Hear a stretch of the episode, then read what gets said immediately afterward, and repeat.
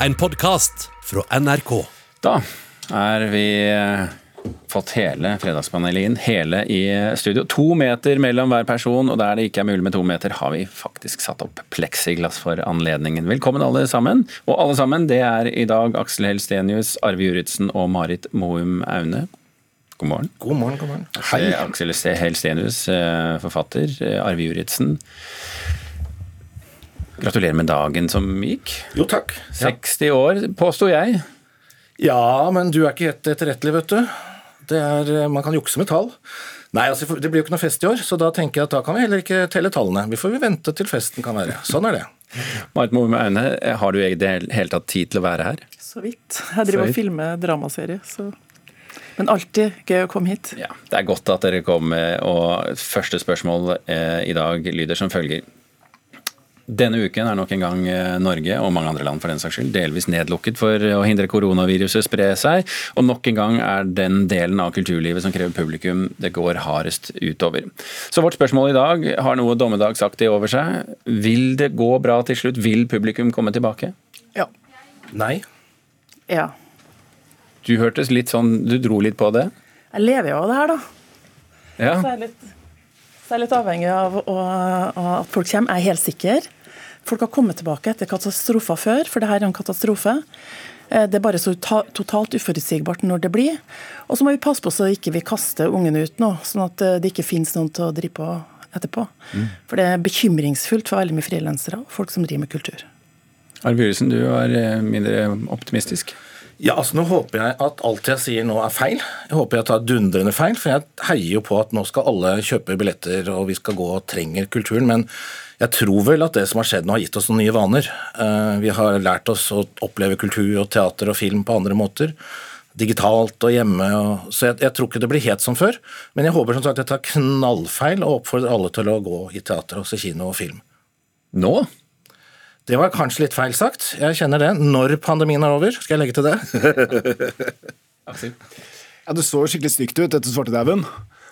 Men eh, det, ryktene er jo at selv Jostedalsrypa kom seg jo ned og ut av dalen og inn på et sånn lokalspill. På kino? Nei, det var bare, bare lokalspill den gangen.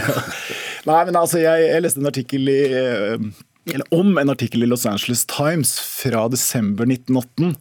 Og liksom På førstesiden så sto det liksom, hvor mange millioner dollar eh, kinoene tapte. Og det fortsatte de å gjøre til våren 1919. Da hadde de åpnet igjen, så de var jo lukket i hvert fall to-tre måneder eller et annet sånt nå, de gikk tapt masse masse penger. Og da, da var det så jeg må nesten lese det litt morsomt.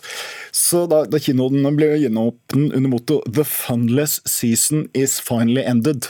Jeg synes det er funless season. Jeg, liker, jeg tenker den er liksom, vi skal bruke den.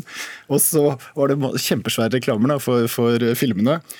Så de skal, hadde da laget 'The liveliest, the snappiest, the brightest and the best pictures ever'. Slapp de da etter pandemien, og vi ser jo det litt det samme nå. ikke sant? De holder mange av de der storfilmene igjen. Og så strømmet jo folk på kinoene. Eh, Kinoenes tap ble liksom nærmest minimert. Og det var jo fordi at det var et ekstremt sug etter underholdning. Eh, og så var det da kombinert med, med sånn pengegaloppen og børsfest og sånt. Så Men nå har vi jo underholdningen hjemme, i stua. Ja, men jeg tror den derre altså, Jeg har satt og tenkt på det. Når det er over, har jeg lyst til å fortsette å liksom ha fredagspilsen min hjemme? Nei. Jeg vil ha fredagspilsen min ute. Jeg vil ha kunst og kultur ute. Jeg vil virkelig analogt. Jeg vil ut. Og jeg tror mange er sånn som meg. Marit? Altså, men det gjør jo at vi som driver på med det her, er nødt til å tenke annerledes. da. Vi lærer jo nå, Jeg er husregissør på Operaen for Nasjonalballetten. Vi har nå spilt for et helt annet publikum enn det vi har hatt ellers. Og jeg kan bare si at De som har sittet rundt på sykehjemmene, isolert, den opplevelsen vi har hatt med publikum når vi har stått utafor sykehjemmene på, på plattinga og spilt, den har vært helt Helt, helt unik i min karriere å se. Så det forplikter også oss å si det. Vi er sårbare. Hva trenger vi for kulturen til, og for hvem er den? Og Der tror jeg det kan skje et skifte i oppfatninga vår. fordi at Vi kan ikke gå til de samme folkene hele tida. Og særlig det da kunst og kultur i Norge, som trenger statlig støtte, som skal ha statlig støtte og litt hjelp. Det forplikter også til at folk da faktisk møtes der de er. da. Kan det være noe sunt i dette, Arve Juritzen? At vi nå kaster alle ballene opp i luften, og så, og så tar vi ned de mest eh, fruktbare? Absolutt. Altså Det å tvinges til å tenke nytt har jo sett store resultater. Altså Kirken har nå flere som opplever gudstjeneste fordi de sitter hjemme å følge med på Facebook. Altså, kirkene strømmer hver eneste lille menighet. Eh, men det er klart, når du snakker om filmen og strømmen tilbake igjen, så ser vi jo at Disney, som jo kan dette, nå velger altså å ha premierene sine på sin egen strømmeplattform. Så det er klart vi er også i et teknologiskifte fortsatt. Ja, men Spørsmålet var vel etterpå, var det ikke det? Jo, men altså, de, de har tatt en avgjørelse. Jeg tror ikke Disney nå ombestemmer seg igjen, så det er klart vi er i teknologiskifte. Men uh, som sagt, hvis kulturlivet bjuder på på nye måter og på nye steder, så kommer folk. Vi gjør det. Vi vil dette, vet du.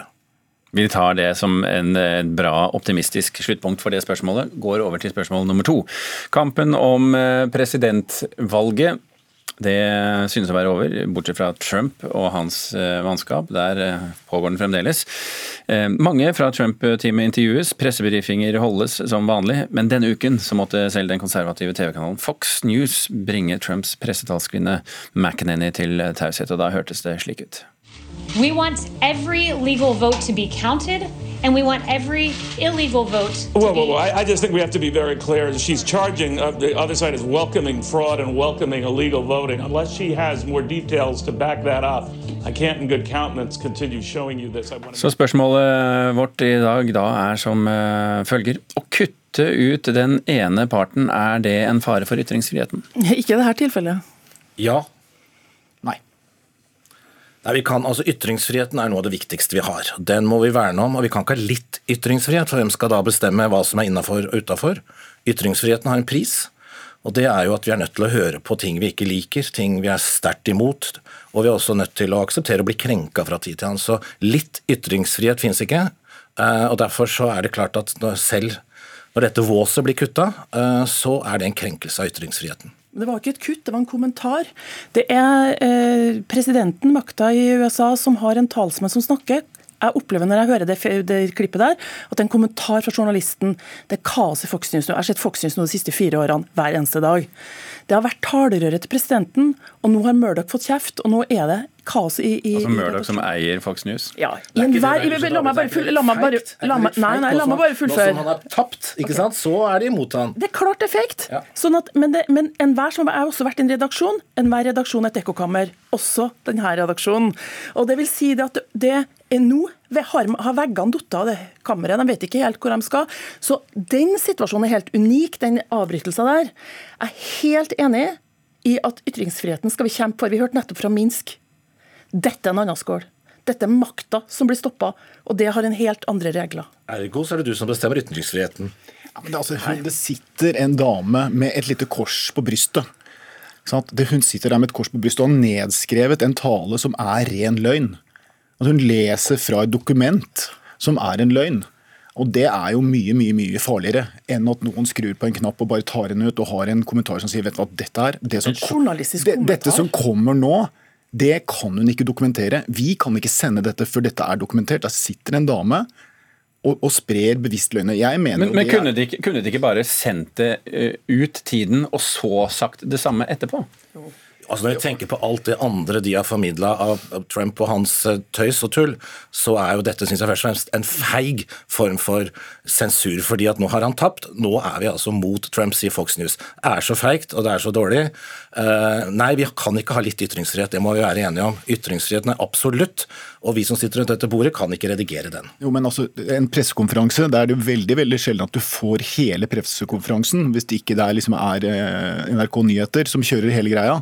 Altså Her eh, så ville det vært et utdrag. Sånn at De aller fleste presser lager et utdrag av en pressekonferanse. Jo, men det var ikke det som var spørsmålet. Spørsmålet er om det Nei, om, jo, men, altså, jo, men her, det, er, det, er det du gjør. Du lager et, et eh, utdrag av en pressekonferanse. Så kommenterer du det som skjer akkurat der og der. Jeg mener det er, For meg er det helt innafor, og faktisk, tror jeg, til beste for, for ytringsfriheten. Men dette er det største eksempelet på hva et ekte dilemma er. Vi er enige rundt alle rundt bordet her. Ytringsfriheten er en ideell situasjon, og vi skal kjempe for den. Nå ble vi spurt om en konkret situasjon fra et propagandaapparat, og da skal en journalist Så er jeg helt enig. Alle som har studert Fox News, det er fader av meg. Det er ikke rart de blir laga filmer og TV-serier om dem. Mm. Det er Shakespeare. Og der hadde vi nok en fin utgangspunkt for eh, et spørsmål, så vi lar det ligge med den kommentaren her, og så hopper vi på siste. Og da skal det handle om at eh, denne høsten eh, selges flere bøker enn på lenge. Mens våren og sommeren var litt sånn preget av lite boklesing, så har salget av bøker økt kraftig nå i høst. Og det som er litt interessant, det er ikke at det er romanene som lokker publikum i økt grad, det er bøker om virkeligheten sånne bøker som du faktisk kan bruke da, til å lage noe eget. At det er lettere, lettere å lese, da, mer tilgjengelig. Nå så var dette altså lyden av en symaskin der noen lagde en boblejakke av en gammel sovepose. Så spørsmålet vårt er er det løfterikt at folk nå kjøper flere bøker fra påvirkerne? Ja, absolutt. Sa forleggeren. Ja, hvorfor ikke? Jeg må bare si ja, jeg også. Altså. Jeg har jo vokst opp med Morgan Kane og Hardy-gutten og sånt, så alle bøker er bra bøker, og sybøker er knall. Sybøker er knall. Dette, dette, dette er den setningen du ventet å si i dag, ikke sant? Nei, vet du, altså jeg tenker også litt inngangen på Jeg er så naiv at jeg tror at hvis folk leser ei bok, så kan det føre til flere. Men så syns jeg de bøkene er nok i seg sjøl. Hvis noen finner ut at de blir inspirert til å drive med gjenbruk, Ære være det. Vi er forskjellige. Det er det som er bra med et samfunn. Vi har forskjellig ståsted, og vi har forskjellig inspirasjon. Og så er det sånn at ikke alle sammen, inklusive folk rundt bordet her, har vokst opp med, bøk, med eget bibliotek i hjemmet. Eh, og som du sier, Aksel, eh, man, man, man leser sier Morgan Kane eller gjør sånn. Men ikke ikke la det være en unnskyldning til å si det at nei, for da kommer de til å lese liksom Raskolnikov eller et eller annet i neste omgang. Det er ikke det som bestemmer om vi er gode lesere eller ikke. Det har skjedd en stille revolusjon i bokbransjen de siste årene ved at bloggerne har altså flyttet masse nye folk inn i boka, den fysiske papirboka. Begynte med Trines matblogg for sånn ti år siden, som tok altså oppskriften som ligger gratis på nettet, ga dem ut som bok og ble en bestselger. Og nå ser vi altså at den ene bloggeren etter den andre lager kanskje ikke de mest interessante og viktigste bøkene, men tar med seg de unge menneskene fra nettet inn i boka. Det er bare å si halleluja. Det er, må vi takke de for. Og som du sa, Marit, altså dette fører jo til at man blir vant til å lese bøker, og kanskje finner andre bøker. Ja. Så denne trenden er superfin, og litt overraskende. Jeg la opp til litt sånn klysete hovering her, jeg. jeg, jeg, jeg, la opp til at han skulle snakke veldig om dette her.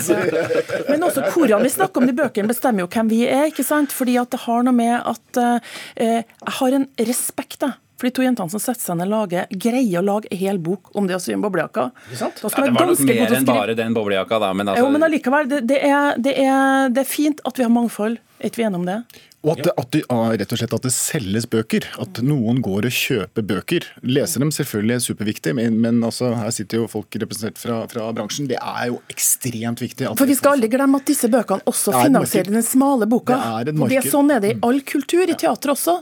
Noen forestillinger drar inn penger som får brukt penger på andre bøker, så det må også gjøre, Arve. Nå kjenner vi mange koronaklemmer. Ja, ja, ja. Pleksiglass er i pleksiglass, nå må det koses, altså. Det blir ikke i dette studioet, det kan jeg love. Det er nedlagt strengt forbud Herregud. Men dere er altså så positive og optimistiske i dette spørsmålet at jeg tenker at det har vært et nydelig sted å gå ut også her. Og da runder vi av, og så takker jeg Aksel Elstenius, Arve Juritzen og Marit Moe Maune for at dette var eh, dagens fredagspanel. Du har hørt en podkast fra NRK. Hør flere podkaster og din NRK-kanal i appen NRK Radio.